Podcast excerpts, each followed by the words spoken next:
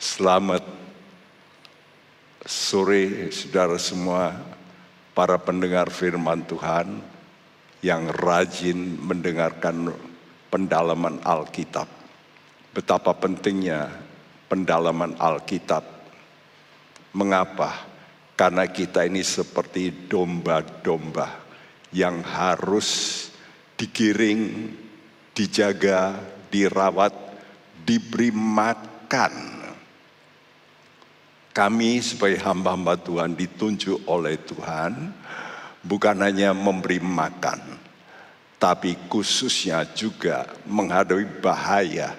Maka para penjaga domba selalu membawa yaitu tongkat. Ya, dan tongkat ini bukan hanya untuk membuat domba itu harus ditarik lehernya mengikuti, tapi juga kalau ada mara bahaya. Saudara, nah kami hamba-hamba Tuhan sebagai penjaga-penjaga, bukan penjaga rumah, tapi penjaga manusia. Nah, itulah sebabnya dibutuhkan lebih banyak penjaga-penjaga yang disebut pekerja Kristus. Dan ini suatu misteri, kenapa orang mau meninggalkan kedudukan yang tinggi, yang hebat. Saya sangat terpengaruh dengan seorang tokoh yang luar biasa di Asia, yaitu Profesor Dr. John Sung. 23 tahun dia sudah menjadi profesor karena jenius sekali. Namun dia tinggalkan orang semua berkata kamu gila bodoh. Apalagi dia mengajar di universitas di Amerika. Dan itu sangat menginspirasi hidup saya. Jikalau ada anak-anak muda yang betul-betul cinta Tuhan, biar engkau berkata ini hidupku Tuhan. Kalau Johnson aja berani, masa aku nggak berani? Saudara, ini memang satu misteri bukan? Kalau seorang tokoh yang hebat, yang punya kedudukan yang luar biasa, termasuk pendiri Hope di Thailand, dia dulu sudah diancar-ancarkan untuk menjadi menteri keuangan. Tapi waktu tiba di Australia ditangkap oleh Injil, dia berubah menjadi seorang yaitu hamba Tuhan. Saudaraku sehingga berdirilah satu gereja yang luar biasa besar Saudaraku, itu satu misteri aneh. Kok mau? Ya, kita juga tanya, kok mau? Yesus kok mau turun ke dalam dunia? Kok mau? Kita sudah membicarakan tentang hari-hari raya. Ya, hari raya ini memang menjadi satu apa ini model master plan Tuhan karena itu kalau kita bergerak, mesti bergerak menurut arahnya Tuhan. Seperti juga embrio bayi. Dari kecil sudah melihat yang paling kecil itu itu hanya tiga minggu terus empat minggu lima minggu terus naik naik naik saudaraku mendekati kelahiran sudah kelihatan modelnya Kenapa itu semua bisa terjadi? Oleh karena waktu di kandungan ada tali pusat. Tali pusar itu yang menghubungkan bayi itu dengan ibunya. Dan dia terus dikasih makanan. Tanpa itu, tanpa gizi yang baik, anak itu nanti tidak bisa bertumbuh dengan baik. Begitu juga rohani kita. Rohani kita ini perlu firman Tuhan yang diberikan oleh hamba-hamba Tuhan yang benar-benar mencari dari Tuhan dengan doa. Dan selain gizi yang baik, perlu waktu perkembangan yang tepat. Dan biasanya bayi itu butuh waktu sembilan bulan. Nah begitulah juga sama dengan perkembangan rohani pekerja-pekerja kerajaan Tuhan dan harus mengikuti master plan Tuhan. Kita sudah terangkan, saudaraku, bahwa hari-hari raya dari orang Israel itu ada tujuh. Namun dasar awalnya dalam Imamat 23 ayat 1 sampai 3 itu dikatakan inilah hari raya yaitu sabat. Namun ini bukan hari rayanya, ini dasarnya hari raya, yaitu peraturan sabat, perhentian. Jadi dimulai dengan jiwa yang bisa merasakan damai. Dan itulah awal, awal perjumpaan seseorang dengan Kristus. Itulah sabat. Nah kemudian setelah itu mulai melangkah hari raya yang pertama itulah hari raya Paskah. Begitu juga dalam dua Petrus dikatakan imanmu itu kalau mau bertumbuh harus ditambah dengan kebajikan. Dan kebajikan ditambah dengan namanya pengetahuan. Dan pengetahuan harus ditambah dengan penguasaan diri. Terus sampai apa sampai charity sampai agape sampai kasih. Saudara kita melihat sku Lambang terjadinya kelahiran rohani yang sehat itu Tuhan lambangkan dalam pribadi-pribadi mereka yang sungguh-sungguh apa yang dicari. Karena itu khotbah minggu, apa toh yang kamu cari? Kamu itu ikut aku itu apa toh yang kamu cari? Banyak orang cari itu ketenaran, cari mungkin berkat, cari jodoh, itu semua nggak salah, sku. Tapi kalau satu ini sudah tidak cari, yaitu damai, sabat. Karena Allah itu Tuhannya sabat. Allah itu disebut the God of peace. Allah damai dan itulah yang harus Anda cari, damai di hatimu. Apa gunanya kamu memperoleh segala perkara di dunia? Hatimu risau. Apa gunanya? Karena itu orang-orang yang merasa puas, damai. Dia berkata, cukup Tuhan. Aku puas dengan kau Yesus. Karena engkau menebus hidupku. Nah ini yang harus kita peroleh lebih dulu. Sebagai dasar untuk kita nanti melangkah sebagai pekerja-pekerja Kristus. Dan itu dimulai oleh karena orang mendengar berita Injil. Menerima berita Injil tentang Yesus yang tersalib. Jadi orang ini seperti orang majus, mereka mencari di manakah raja itu yang baru lahir. Apa yang mereka cari? Raja damai. Karena saat itu pemerintah Roma begitu kejam dan bangsa-bangsa lain merasa aduh begitu berat dan mereka mencari seorang pengganti dan mereka mencari sampai ke luar negeri dari negeri timur sampai ke Yerusalem tapi mereka tidak mendapatkan di kota Yerusalem tempat raja biasanya namun di tempat yang kecil justru Bethlehem. Nah, arti Bethlehem itu rumah roti. Cari makanan batin. Nah ini penting.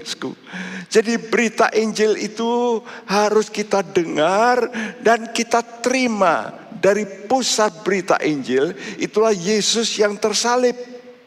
Dan itulah bicara Paskah. Saudaraku, sebagai jawaban daripada segala masalah hidup kita yang berikutnya. Saudaraku, Awal pelayanan seorang pekerja Kristus yang sejati adalah rasa damai. Kalau dia sudah bisa damai, dia berkata, aduh kok lainnya.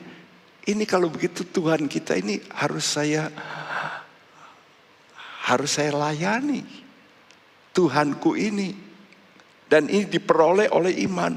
Roma 5 ayat 1 dikatakan begitu orang percaya kepada Yesus maka dia dibenarkan. Dan akibat dibenarkan dia memperoleh yang disebut damai sejahtera. Dan waktu dia merasakan aduh saya kok bisa damai ya? Lalu dia mulai menghayati ya kenapa kok bisa terjadi? Ini karena kasih Allah yang begitu besar kepada saya. Dan ini saya pun alami. Semua orang yang betul-betul melayani Tuhan dengan benar, saya katakan, sebab banyak pelayan Tuhan, tapi kadang-kadang motivasinya bukan itu, dasarnya bukan itu. Nah, dasar yang benar itu kalau orang sudah dibebaskan dari dosa, dia merasa damai, dia berkata, "Aduh, saya harus balas kasih Allah." Saudara, dan ini menjadi dorongan utama untuk kita melayani, yaitu melayani tubuhnya sekarang. Nah kata Tuhan, kalau kamu melayani aku, aku ada di sorga. Bagaimana kamu bisa melayani aku? Layanilah orang-orang itu. Dan kata Tuhan, itulah tubuh Kristus. Itulah jemaat. Jadi kita, kalau sudah terpukau dengan kasih Kristus yang tersalib, kita ini harus harus saya katakan melayani yaitu jemaat, orang-orangnya Tuhan yang harus kita layani juga dengan hati untuk memberi makan. Seperti 2 Korintus 5 ayat yang keempat seperti kata Paulus, kenapa dia bisa melayani? Karena ini sebabnya 2 Korintus 5 ayat 14 tolong dibacakan. Sebab kasih Kristus yang menguasai kami, karena kami telah mengerti bahwa jika satu orang sudah mati untuk semua orang, maka mereka semua sudah mati. Ya, jika satu orang yaitu Yesus sudah mati untuk semua, maka mereka semua yang ditebus oleh Yesus sudah mati. Sudah mati apanya? Mati dosanya. Ya, dan salah satu dosa yang bikin masalah itulah ego. Kata Tuhan semua pertengkaran di dunia ini bermula dari satu yaitu kepentingan diri sendiri. Surat Yakobus 3 mengatakan itu. Jelas, jadi oleh karena kasih Kristus inilah, kita melihat bagaimana dosa kita itu dipakukan di atas kayu salib. Ya. Dan kalau kita ingat itu, oh kalau begitu saya pun harus belajar seperti itu. Kalau Allah saja yang menjadi manusia mau, apalagi saya. Jadi masalah terbesar bukan iblis, bukan. Masalah terbesar itu diri kita, keakuan kita, ya, kesombongan kita. Nah itulah yang menjadi masalah. Saudaraku, karena itu kalau kita sudah dikuasai oleh kasih Kristus, maka kasih Kristus inilah yang akan mendorong kita, bahkan yang disebut memaksa, compels me, kata Paulus. Ya, saudara, karena itu mari kita mau belajar tentang hari-hari raya ini. Hari raya orang Israel itu ada tujuh. Ya, namun dibagi tiga kelompok. Karena itu kata Tuhan, setahun harus tiga kali kamu ke Yerusalem untuk ibadah, yaitu hari raya Paskah, hari raya roti tidak beragi, hari raya buah sulung. Itu hari raya pada musim semi. Sengaja saya berikan gambar ini. Ini saya membuat ini bukan waktunya singkat suku setelah bertahun-tahun mempelajari Alkitab ya suku tidak sekaligus suku tentunya lalu memperhatikan dengan benar waktunya tanggalnya suku ternyata saya kasih warna merah-merah suku panah merah lalu merah panjang gede lalu kuning ya supaya agak berubah sedikit suku. Dan itu bicara tentang tiga hari raya itu. Hari raya Paskah, lalu hari raya roti tidak beragi, lalu hari raya buah sulung. Lalu hari raya pada musim panas. Itulah hari raya Pentakosta atau the Feast of Weeks. Jadi suku hari raya minggu-minggu ya karena harus dihitung beberapa minggu yaitu tujuh minggu setelah hari raya buah sulung. Itu disebut lalu hari ke-50 makanya disebut Pentakosta. Ya. Saudara, lalu hari raya yang terakhir itu dirayakan pada musim gugur yaitu hari raya Nafiri, tiupan ya, trompet supaya apa? Supaya kumpul Lalu keenam hari raya pendamaian besar.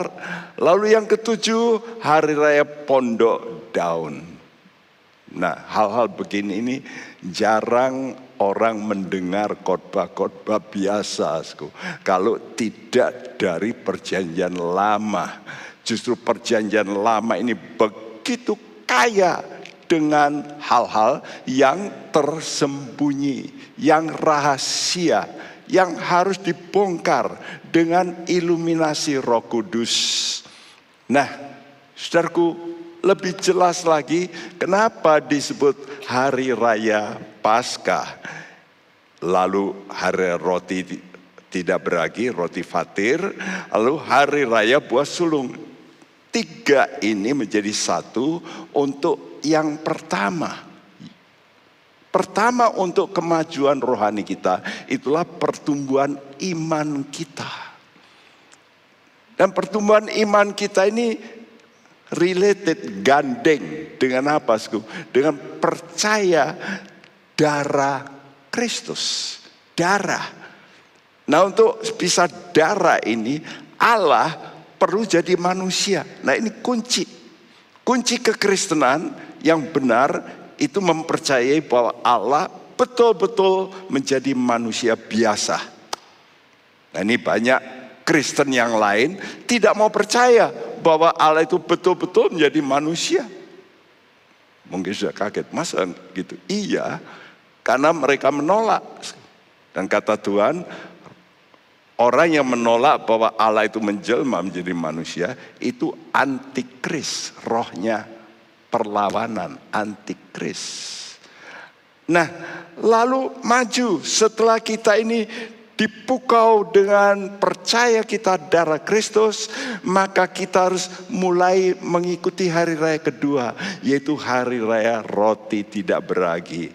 Ini berarti, mesti disingkirkan ragi-ragi. Karena itu saya tuliskan, mulai memisahkan diri dari ragi-ragi. Dan yang ketiga, lalu buah sulung itu artinya ada pemetikan buah sulung, maka buah sulung itu harus diberikan ke rumah Allah yang menerima keluarga imam. Kan ini sekarang ribut tentang suku buah sulung lalu wih ribut lalu tanggapan suku. Mari kita kembali ke Alkitab saja. Yang benar itu sebetulnya buah sulung itu yaitu dirimu yang sulung, yang kudus, itu yang utama bukan duitnya, tapi dirimu yang kudus itu harus dipersembahkan. Karena itu saya tulis penyerahan hidup yang kudus. Wah, ini lebih dari duit. Tuhan bukan minta duit saja, tapi dirimu yang sudah dibayar karena kamu miliknya Tuhan. Nah, lalu suku hari raya yaitu yang disebut Pentakosta. Ya. Hari raya ini suku yaitu karena mereka mulai menuai sekarang. Ini namanya menuai jiwa-jiwa. Dan bicara Pantekosta lalu digandengkan dengan pencurahan roh kudus. Memang persis hari ke-50 lalu itu dinyatakan dalam perjanjian baru. Baru mereka oh jadi maksudnya hari raya namanya minggu-minggu itu adalah Pentakosta itu pencurahan roh kudus. Yes. Ya, oleh karena itu kita mesti mengalami itu dipenuhi Roh Kudus supaya kita mendapat karunia-karunia Roh Kudus dan buah roh.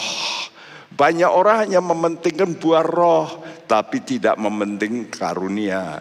Ada kelompok yang mementingkan karunia tapi tidak mementingkan buah roh. Itu salah dua-dua. Kita mesti mendapat dua-duanya. Karunia roh ini untuk bisa melayani orang lain dan buah roh itu untuk kita, untuk pribadi kita. Lalu yang ketiga, ini adalah masalahku akhir zaman. Ya, tadi kata musim gugur. Berarti pada akhir zaman ini seperti sekarang ini banyak orang gugur dari imannya walaupun dia Kristen. Ternyata memang betul begitu. Sebagian besar terjadi di dunia kekristenan sekarang berubah arah. Mereka mulai mengikuti yang disebut evolusi. Mereka mulai mengganti hukum-hukum Tuhan dengan cara evolusi. Institusi yang pertama juga berevolusi. Jadi semua hukum itu berevolusi. Dan kita menghadapi ujian akhir ini yang paling berat. Karena itu hari raya kelima itu adalah hari raya nafiri. Ayo kumpul, kamu nggak kuat kalau nggak bersatu. Ayo kumpul. Keenam, hari raya pendamaian di situ nanti saya akan terangkan ini paling penting salah satu menjelang kedatangan Tuhan yaitu merendahkan diri. Ini kewajiban. Ya bahkan ada ancaman dari semua hari raya yang enam ini ada ancaman. Wait hati-hati kalau begitu. Dan yang ketujuh yaitu hari raya pondok daun pertemuan raya dengan Tuhan nanti saya melihat kenapa saya beri tanda panah itu ada yang lebar. Ya, walaupun yang biru dan hijau di tengah itu agak lebar. Itu sebetulnya boleh saja panah biasa. Karena satu hari, satu hari, satu hari, satu hari. Tapi yang lebar itu tujuh hari. Apa tujuh hari? Hari raya roti tidak beragi dan hari raya pondok daun. Loh, kenapa ya? Yang lain cuma satu hari. Ini kok tujuh hari. Itu juga mesti menjadi pertanyaan. Why? Nah inilah pentingnya suku berdiam, menerima iluminasi, Tuhan beri keterangan. Tanpa berdiam diri, lalu mendapat dari roh kudus, kita tidak akan mengerti. Ya, Dianggap itu sebagai hari karena itu sekarang banyak orang Kristen kalau ada hari raya di Israel oh mereka ikut. Ini waduh sudah itu namanya berhari raya. Saya bilang bukan. Itu jasmania. Nah, kalau hidup kita ini sudah bersemi, maka bersemi yang memberi dorongan untuk kita menjadi pekerja Kristus itu bersemi sebagai tunas Ya, seperti gambar ini, ya animasi ini tunas tawanan cinta. Jadi kita mesti ditawan jiwa kita ini dengan kasih Kristus. Seperti Paulus tadi mengatakan, karena kasih Kristus menguasai hati kami. Biar ini yang utama dan kita ini harus alami. Ya, seperti benih yang mulai bertumbuh dan bertunas biasanya pada musim semi. Karena itu musim semi itu dinanti-nantikan. Karena itu hari raya Imlek itu yang disebut Sinjun Kyonghi itu adalah hari raya musim semi. Jadi winternya selesai, dia waduh mereka wah ini kerja lagi, ini dapat duit lagi kan begitu. Sehingga mereka merayakan ya Itulah hari raya Imlek itu maksudnya, saudaraku. Jadi ya awal pertumbuhan rohani kita juga sama. Jadi awal pertumbuhan rohani itu dimulai dengan Paskah. Ya. Dan Paskah itu pemberesan dosa kita pribadi oleh kuasa darah Kristus melalui kuasa berita salib. Ya, 1 Korintus 1 ayat 18, tolong bacakan. Sebab pemberitaan tentang salib memang adalah kebodohan bagi mereka yang akan binasa. Tetapi bagi kita yang diselamatkan, pemberitaan itu adalah kekuatan Allah. Ya berita salib ini orang kalau dunia berkata, lakoni mati, ya selesai. Nah itu kan pendapat orang gitu ya. Jagoannya kalah digantung. Wih, kalah dah pengikutnya. Ya, tapi Paulus lain. Dia ngerti pemberitaan salib itu kekuatan Allah, the power of God. Karena itu jangan meremehkan suku berita salib. Sangat penting. Ya, saudara, ini kekuatan Allah. Karena itu kekuatan saya ganti dengan kata kuasa, power. Ya, kekuatan juga berarti kemampuan. Dan ini dikatakan seperti dunamis, kata dunamis dalam bahasa Greka itu lalu dikembangkan menjadi dinamit. Nah gitu gedung yang tinggi sku dipasangi dinamit di beberapa titik sku lalu roboh dung dung dung dung rut hancur dalam beberapa menit. Kenapa sku ada kuasa yang bekerja. Nah inilah misteri sku. jadi waktu orang menerima Yesus itu mulai terjadi sku. kuasa Allah yang mengerjakan. Dari tahta Allah. Lu kok bisa? Nah untuk inilah suku PA nanti setelah selesai ini mungkin tiga empat kali setelah ini saya kan PA mulai yang baru suku yang saya dulu sendiri juga nggak ngerti. Saya mendapatkan itu dari doa-doa. Lalu Tuhan memberikan gambaran makin lama dulu sudah. Tapi makin jelas, makin jelas. Dan waktu lockdown ini, wih lebih jelas lagi. Saya berkata Tuhan terima kasih. Saya nggak pernah dengar seperti ini. Ya. Tapi memang Tuhan itu luar biasa. Ya. Jadi kemampuan Allah ini bukan berdasarkan saya berdaulat. Oh saya pencipta kok. Saya akan tahu rahasia. Misalnya seorang membuat robot. Lalu robot ini mulai wah mau menyerang. Ya. Penciptanya. Oh pencipta tahu rahasianya. Ya gampang. Sama seperti seorang waktu ada mobil Ford dulu sku, mogok tengah jalan dia pakai jas, waduh kotor semua, dia bingung sku. Lalu datanglah satu mobil lain, Ford juga sku. Dia kata, kenapa Tuhan? Ada masalah apa? Wah ini bisa starter, boleh saya tangani?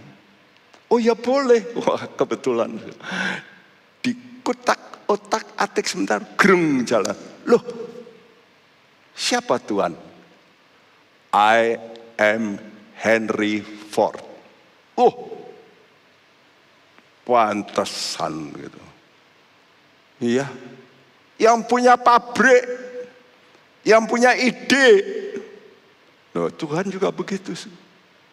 Aku ini Allah, penciptamu. Nah aku melakukan ini kenapa ada iblis? Sudahlah diam aja lah. Aku ini punya hikmat. Kita pikir kenapa ya? Dulu waktu saya kecil juga tanya, kenapa Tuhan yang berkuasa? Kok iblis begitu kok didiamkan? Kok enggak di habis ya? Kita kan sering gitu ya, kalau dengar orang yang merampok ya, kok enggak dihabisin aja, mati ya, kapok. Kok ya masih hidup? Nah, why? Itu hikmat Tuhan. Hikmat Tuhan lalu Tuhan kirim. Jadi persis waktunya. Suku, Tuhan kirim utus Yesus menjadi manusia tanpa dosa. Karena dia bukan lahir dari keturunan Adam yang berdosa. Dari roh kudus. Dan waktu iblis menghantam Yesus, Allah berkata, nah aku judge kamu, aku hukum. Ini yang disebut keadilan dari Allah yang maha adil. Jadi Allah itu berkuasa, tapi dia tidak pernah melakukan hanya berdasarkan kedaulatannya. Ini yang buat orang dunia berkata, lo kok goblok? Ya toh saudara lah, kalau punya power, punya pistol, lalu ada orang pakai pedang, lalu saudara sempat dilukai, sudah berkata, lu kok enggak mau ditembak, Edward mati. Kenapa toh? Ya. Nah, Allah juga begitu. 1 Korintus 1 ayat 21, tolong bacakan. Oleh karena dunia dalam hikmat Allah tidak mengenal Allah oleh hikmatnya, maka Allah berkenan menyelamatkan mereka yang percaya oleh kebodohan pemberitaan Injil. Oleh karena dunia dalam hikmat Allah tidak mengenal Allah oleh hikmatnya. Hikmatnya ini hikmatnya manusia ya. Jadi hikmat manusia ini tidak bisa kenal Allah lo kok gini toh. Allah kok membiarkan katanya Yesus itu Allah. Nah kok mati? Kok mati? Berarti kalah toh. Nah inilah yang disebut kebodohan pemberitaan Injil. Paulus berkata, ini bodoh ini, cara begini, cara bodoh bagi kita loh ya, yang punya power gitu. Loh, kok ngalah? Bodoh. Karena itu kalau ada orang suh ngalah, lalu sudah berkata, kenapa tuh kamu mau ngalah? Kamu kan yang benar. Lu kok ngalah? Sikat kamu punya duit. Tapi anak Tuhan yang jadi no wis. Kalau Tuhan izinkan, saya relakan. Nah, beda. Nah kebodohan pemberitaan Injil ini ada caranya Allah. Yang dianggap bodoh oleh hikmat manusia. Kenapa? Karena Allah ini kok tidak mau pakai kedaulatannya. Untuk menghabisi iblis, menghukum iblis. Iblis kan ciptaannya. Kan gampang. Kalau Tuhan kata mati, pasti mati. Kenapa toh berlarut-larut didiamkan sampai sekarang? Sebab Tuhan punya maksud, rencana. Yang kita tidak ngerti. Nah itu namanya misteri. Nah di situlah mystery of God. Kita ini tidak bisa ngerti. Ya. Jadi sebaliknya bukan dibales iblis itu, malah Yesus yang dibunuh. Dan Bapak menyerahkan malah. Wih, loh. Musia ndak usah nyerahkan ya dibunuh kan bisa. Tapi justru Bapak menyerahkan anaknya untuk dibunuh. Inilah hikmat Allah untuk menyatakan betapa besar kasih Allah kepada manusia. Kita tidak bisa ngerti. Saya ngerti kok Allah itu kok mau gitu loh yang bodoh itu cara bodoh. Saudaraku, saya tuliskan di sini. For God so loved the world that he gave his only son, only son. Jadi keadilan Allah ini bukannya tanpa korban. Karena itu hebat ya. Keadilan Allah bukannya tanpa korban dan yang dikorbankan bukan hal sepele, korban dirinya. Tapi ini hikmat. Kok bisa hikmat? Yaitu hikmat untuk menanamkan kasih kepada manusia. Nah bagi orang-orang yang sekarang baru ngeh, biar kasih Kristus ini, iya, uh, kok begitu dalam, ya begitu nggak bisa saya ngerti. Memang tadi Paulus berkata ucapan kasih Kristus yang menguasai kami. Ini menunjukkan bahwa dirinya itu sebagai tunas tawanan cinta. Ya, bersemi oleh karena cinta yang membuat penyebab utama ini membuat dia menjadi hamba Kristus yang rela korban bahkan paling berat karena itu dia berkata sebelumnya dari ayat tadi, kasih Kristus menguasai kami. Kenapa kok bisa kasih Kristus menguasai kami? Ada ayat sebelumnya, 2 Korintus 5 ayat 13. Tolong dibacakan. Sebab jika kami tidak menguasai diri, hal itu adalah dalam pelayanan Allah. Dan jika kami menguasai diri, hal itu adalah untuk kepentingan kamu. Paulus berkata, kenapa saya kok melayani begitu bodoh? Sampai mau dikejar-kejar, mau dihajar, mau dibunuh. Karena itu hamba-hamba Tuhan yang benar sering kali copot dari kedudukannya yang enak, yang stabil, mau melayani. Tapi sebaliknya banyak hamba Tuhan melihat hamba Tuhan yang sukses. Nah saya mau seperti itu.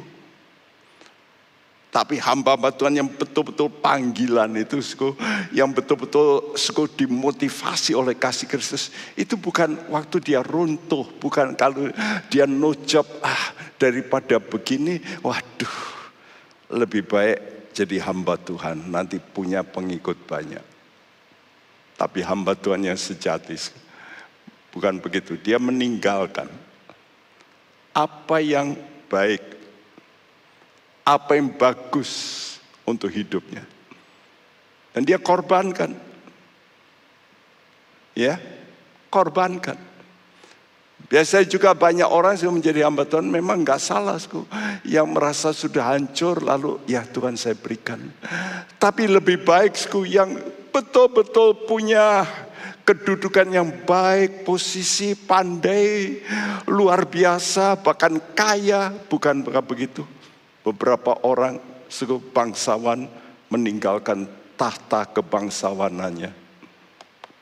Ya. Nah, menarik suku. Dikatakan tadi kami tidak menguasai diri. Kata ini diambil dari kata yang namanya ekhistemi. Ya. Ekhistemi.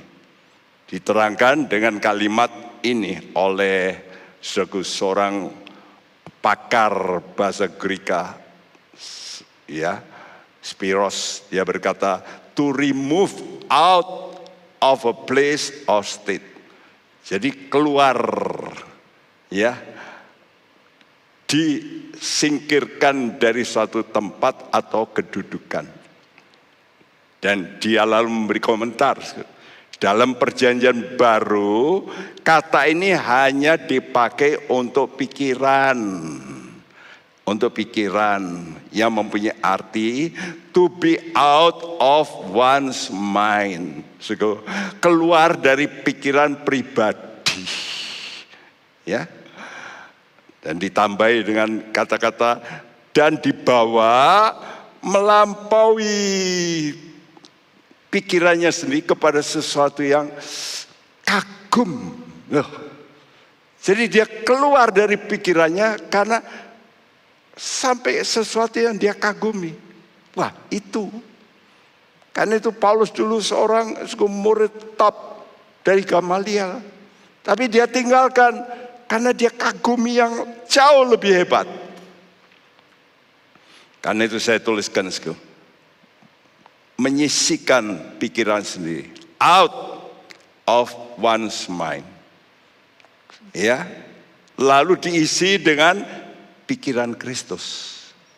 Oh Yesus kok mau ya? Loh kenapa Yesus kok mau? Nah itu loh. Itu loh pikiran itu loh yang harus kita pakai. Bukan wah itu ya pendeta itu berhasil. Ya saya juga mau seperti itu. Wah itu bukan pikiran Kristus pikiran, mikir diri sendiri, mau seperti orang lain, jiplak. Kalau engkau pengikut Yesus, engkau mesti berkata, saya mau pakai pikiran Kristus. Saya bukan apa-apa. Karena itu setiap kali saya dulu baca bukunya Watchman nih, ya saya terkagum-kagum dengan orang ini. Orang pandai, bahasa Inggrisnya hebat. John Sung. Saya pikir, Why? Mengapa ya? Orang-orang dahsyat-dahsyat begitu, sku. lalu menjadi orang yang menjadi hamba Tuhan yang dihina kok mau. Karena itu, sku. ya, Jadi sama seperti dalam praktek ya jasmania. Kalau orang sudah ditawan dengan kasih, lihat aja pacaran itu. Kadang-kadang enggak pakai nalar, betul? Lu kok mau bunuh diri bareng, pakai tali, ayo mati bareng. Lu nalare di mana toh? Ya itulah. Out of one's mind. Ya, saudaraku. Dan itulah misteri pelayanan terhadap Allah yang dilakukan oleh Paulus dalam memberita, memberitakan Injil. Begitu dia percaya Yesusku, wah dia sudah dikejar-kejar mau dibunuh. Sampai dimasukkan keranjang sempat. Dilempari batu, mati. Namun didoakan murid-murid dia hidup kembali. Saudaraku. Jadi kerelaan menderita yang begitu berat. Why? Satu aja karena kasih Kristus menguasai aku. Saya memberitakan ini supaya kasih Kristus sekarang menguasai para pendengar yang mendengar khotbah ini. Engkau berkata, Tuhan, apa yang aku harus balas? Tidak ada yang lebih. Kalau sudah berikan hartamu saja atau dirimu itu belum karena itu hamba Tuhan yang betul-betul terpanggil memberikan hidupnya. Tapi kadang-kadang kalau diminta nyawa pun masih, waduh, sampai berdarah-darah kan tidak. Yesus berkata, kamu belum sampai berdarah-darah. Karena itu hari raya yang kedua, itu pada musim semi juga bersemi sebagai tunas kudus. Ya, jadi suku, tadi katakan bersemi sebagai tunas cinta. Hari raya Paskah. Sekarang hari raya roti tidak beragi. Bersemi sebagai tunas kudus. Ya. Jadi kita mesti didasari dengan firman yang kudus. Nah, ini baru benar. Ya. Saya uh, gambarkan di sini pasang insetsku gambar ini namanya Watchman Ni, Ni Tong Seng. Seorang tokoh ya pendeta luar biasa. Ya, saya kagum bukan main. Dia sudah waduh mau mati, batuk-batuk TBC berat, tapi dia tetap melayani dan Tuhan tolong dia. Saudaraku, Nah syarat berikut bagi pekerja Kristus itulah kekudusan. Kenapa? Karena Allah memanggil kita untuk hidup kudus. Jadi kalau bukan memanggil lebih dulu untuk jadi hamba Tuhan, no. Eh, panggilan Tuhan pertama untuk apa? Hidup kudus. Ya, kan itu saya sedih kalau banyak pelayan-pelayan Tuhan bukan hidup kudus, malah bikin masalah dalam kekudusan. Menghancurkan. Ya. Saudara, melecehkan. Itu sudah kita dengar di mana-mana. Dalam negeri, luar negeri, semua merusak. Dengan menerima Yesus tersalib, dosa kita akan dipisahkan oleh kuasa darah ini. Namun setelah itu saudara mesti berani memisahkan dirimu dari apa? Kehidupan duniawi. Dan, nah dan ini, dari teman-teman pendosa. Quotes yang diberikan oleh Watchman ini bagusku. Separation to God Lalu separation from the world is the first principle of Christian living. Prinsip pertama menjadi orang Kristen itu adalah memisahkan diri untuk Tuhan. Ah, untuk Tuhan, Tuhan tidak berdosa. Jadi kita harus gandeng sama Tuhan yang pisah dari dosa. Lalu kita mesti berpisah dari dunia. Saya tambahi dari teman-teman.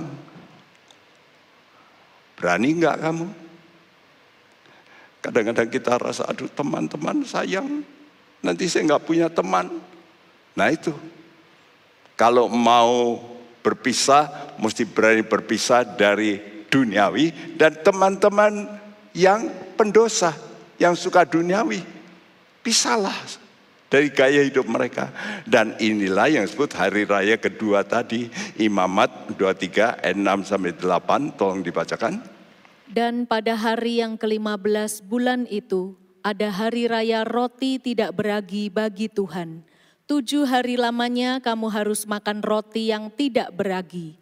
Pada hari yang pertama, kamu harus mengadakan pertemuan kudus. Janganlah kamu melakukan sesuatu pekerjaan berat.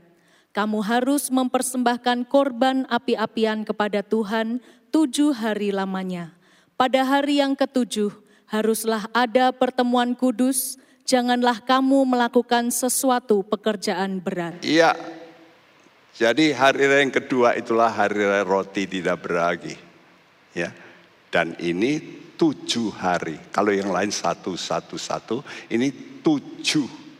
Tujuh itu angka sempurna. Saya sudah ajarkan sempurna dalam arti harmonis. Sepuluh juga sempurna, dua belas juga sempurna. Tapi kalau tujuh ini sempurna dalam arti harmonis. Dan itu adalah pekerjaan roh kudus yang digambarkan oleh menorah atau kaki Dian ini.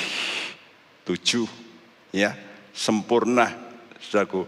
Jadi Tuhan ingin supaya saudara mengalami perbuatan roh kudus dalam hidupmu secara sempurna. Sampai kalau kamu mengalami harmonisasi dengan Allah, lalu harmonisasi dengan sesama. Kenapa sering kali gereja bertengkar? Karena tidak terjadi harmonisasi antara pemimpin-pemimpinnya semua pakai maunya pakai kepala. Adu kepala jadinya. Mestinya sego kita out of one's mind. Ganti dengan pikiran Kristus. Nah baru bisa. Ya ini masalah paling berat. Ini benteng, kubu pikiran itu. Ya. Nah, tadi bicara suku ragi. Ragi dalam 1 Korintus 5 ayat 7 dan 8 itu dikatakan ragi keburukan dan kejahatan. Kita merayakan Paskah harus dilanjutkan dengan hari raya ragi. Tidak beragi. Kenapa? Kalau orang tidak melakukan Paskah, mati. Tapi kalau tidak melakukan hari raya roti mati juga. Nah itu banyak orang, oh saya sudah terima Yesus. Tapi tidak mau hidup kudus, mati rohaninya. Oh enggak, saya sudah lahir baru. Sing tahu lahir baru itu siapa? Bukan konsep baru, bukan agama baru. Tapi hatimu harus baru, berubah keburukan dan kejahatan yang kamu lakukan selama ini harus kamu buang. Kenapa bisa terjadi ragi kejahatan? Ya karena pengajaran yang salah, karena input yang salah. Karena itu hati-hati dengan pengajaran yang salah. Ya, kata Tuhan ini perumpamaan dari seorang perempuan yang menaruh ragi dalam adonan. Dan sering kali itu di diceritakan oleh beberapa penasir, oh pekerjaan perkembangan gereja itu seperti ragi. Saya berkata, no, that's wrong, salah. Justru hati-hati gereja Tuhan, ternyata ada perempuan-perempuan Isabel yang memasukkan pengajaran aneh ya. Saya kok diambil perempuan itu. Nanti dalam Wahyu 17 juga wanita pelacur loh Memang di dunia ini banyak wanita-wanita yang karena mereka pakai perasaan sering kali lalu dipakai oleh iblis untuk mendirikan ya aliran-aliran yang baru. Coba perhatikan. Saya itu heran. New Age movement sama. Ya. Itu ternyata begitu. Tentu ada yang laki, tapi banyak perempuan. Ya, jelas ini orang-orang yang tidak mau submit, ya, kepada Tuhan. Nah, akibat pengajaran salah ini apa? Ragi orang Saduki dan Paris ini sama, sku. Saduki dan Herodes itu suku sama nilainya, yaitu kemuliaan dunia dan kekuasaan dunia. Lalu ragi orang Farisi itu kemunafikan. Ya, munafik. Kalau minggu, waduh, saleh. Ya. Kalau main musik, waduh, saleh. Tapi di luar, waduh, hidupnya duniawi. Ya, karena itu gereja juga harus jangan hire orang-orang yang begitu-begitu masuk gereja. Waduh, banyak raginya. Tapi ada yang oke okay dah, pokoknya musiknya bagus. Ya, saya tidak setuju. Ya, ya untuk saya loh, untuk yang lain bolehlah pemimpin mau saya merdeka cari musician yang hebat. Saya tidak butuh hebatnya, saya butuh kudusnya bagaimana. Gitu. Ya, nah ragi ini kalau bekerja pelan-pelan bukan? Cuma ditabur di atas, meresap sendiri. Pelan, tapi pasti. Iya, senyap, tapi pasti. Dari atas sampai ke bawah kena. Jadi nggak perlu diaduk-aduk, nggak perlu. Ya, cuma ditabur. Karena kadang-kadang hati-hati saudara suka dengarkan. Oh ini ya coba ini, ini, ini. Ini kok bagus ya. Ini saya peringatkan untuk gereja-gereja Tuhan yang benar. Hati-hati kalau sudah klik gereja Tuhan yang maha kuasa. Karena sudah masuk ke Indonesia. Tayangannya. Ya. Wah, bagus sekali. Dahsyat. Nah untuk anak-anak muda, nah yang begini ini. Ya. Dengan senyap. Saya itu selain buang ragi harus juga pertemuan kudus. Bagaimana kita bisa pertemuan kudus? Kan namanya pertemuan itu kan mesti banyak orang. Berarti sku, antar kita ini mesti kudus. Baru ada pertemuan kudus. Dan bagaimana antar kita bisa kudus? Mari kita baca Yakobus 5 ayat 16 supaya doa kita itu hebat. Tolong bacakan. Karena itu hendaklah kamu saling mengaku dosamu dan saling mendoakan supaya kamu sembuh. Doa orang yang benar bila dengan yakin didoakan sangat besar kuasanya. Ini bukan sembuh hanya jasmani, tapi sembuh kena raginya itu ini lebih banyak sebetulnya sakit rohani karena pengajaran yang ditabur oleh ya roh-roh melalui orang-orang ya hamba-hamba iblis suku masuk sekarang ini begitu banyak. Ini menyedihkan sekali. Karena itu suku kedua hari raya ini perlu kita perhatikan. Ya ini alasan pertama. Jadi kalau saudara mau ikut Tuhan sudah mesti salib Yesus. Jadi tonggak lalu kudus. Tanpa kekudusan seorang pun tidak dapat memandang Allah kata Tuhan. Ya, nggak bisa, nggak mungkin. Nah, dan yang sangat aneh, hari raya roti tidak berarti ini adalah dua salah satu dari dua hari raya yang harus dilakukan tujuh hari. Saya tadi memberikan gambar gemuk tanda panahnya itu. Ya, saudaraku, dan hal ini menyatakan hidup kudus itu harus dilakukan seumur hidup kita di bumi. Waktu roh kudus memimpin engkau. Tujuh itu angka roh kudus. Ya, dalam keluargamu, dalam umat yang besar, engkau harus bisa. Ya, banyak kali kalau sudah kelompoknya, eh, saya tidak mau kumpul dengan Kristen yang itu itu wah ndak rohani, saya rohani. Wah, ini berat. Saudaraku, kita mesti ikuti hidup kudus ini dalam pimpinan Tuhan kesatuan. Ya. Ini kita hidup kudus sampai seumur hidup kita di bumi. Nah, pada hari kedatangannya nanti Tuhan akan menjemput gerejanya. Kita akan mengalami hari pondok daun. Nah hari raya pondok daun ini gambaran daripada hidup nanti kekal. Sukacita selama-lamanya juga. Kalau di bumi ya seumur hidup. Kalau di sorga selama-lamanya dalam kerajaannya.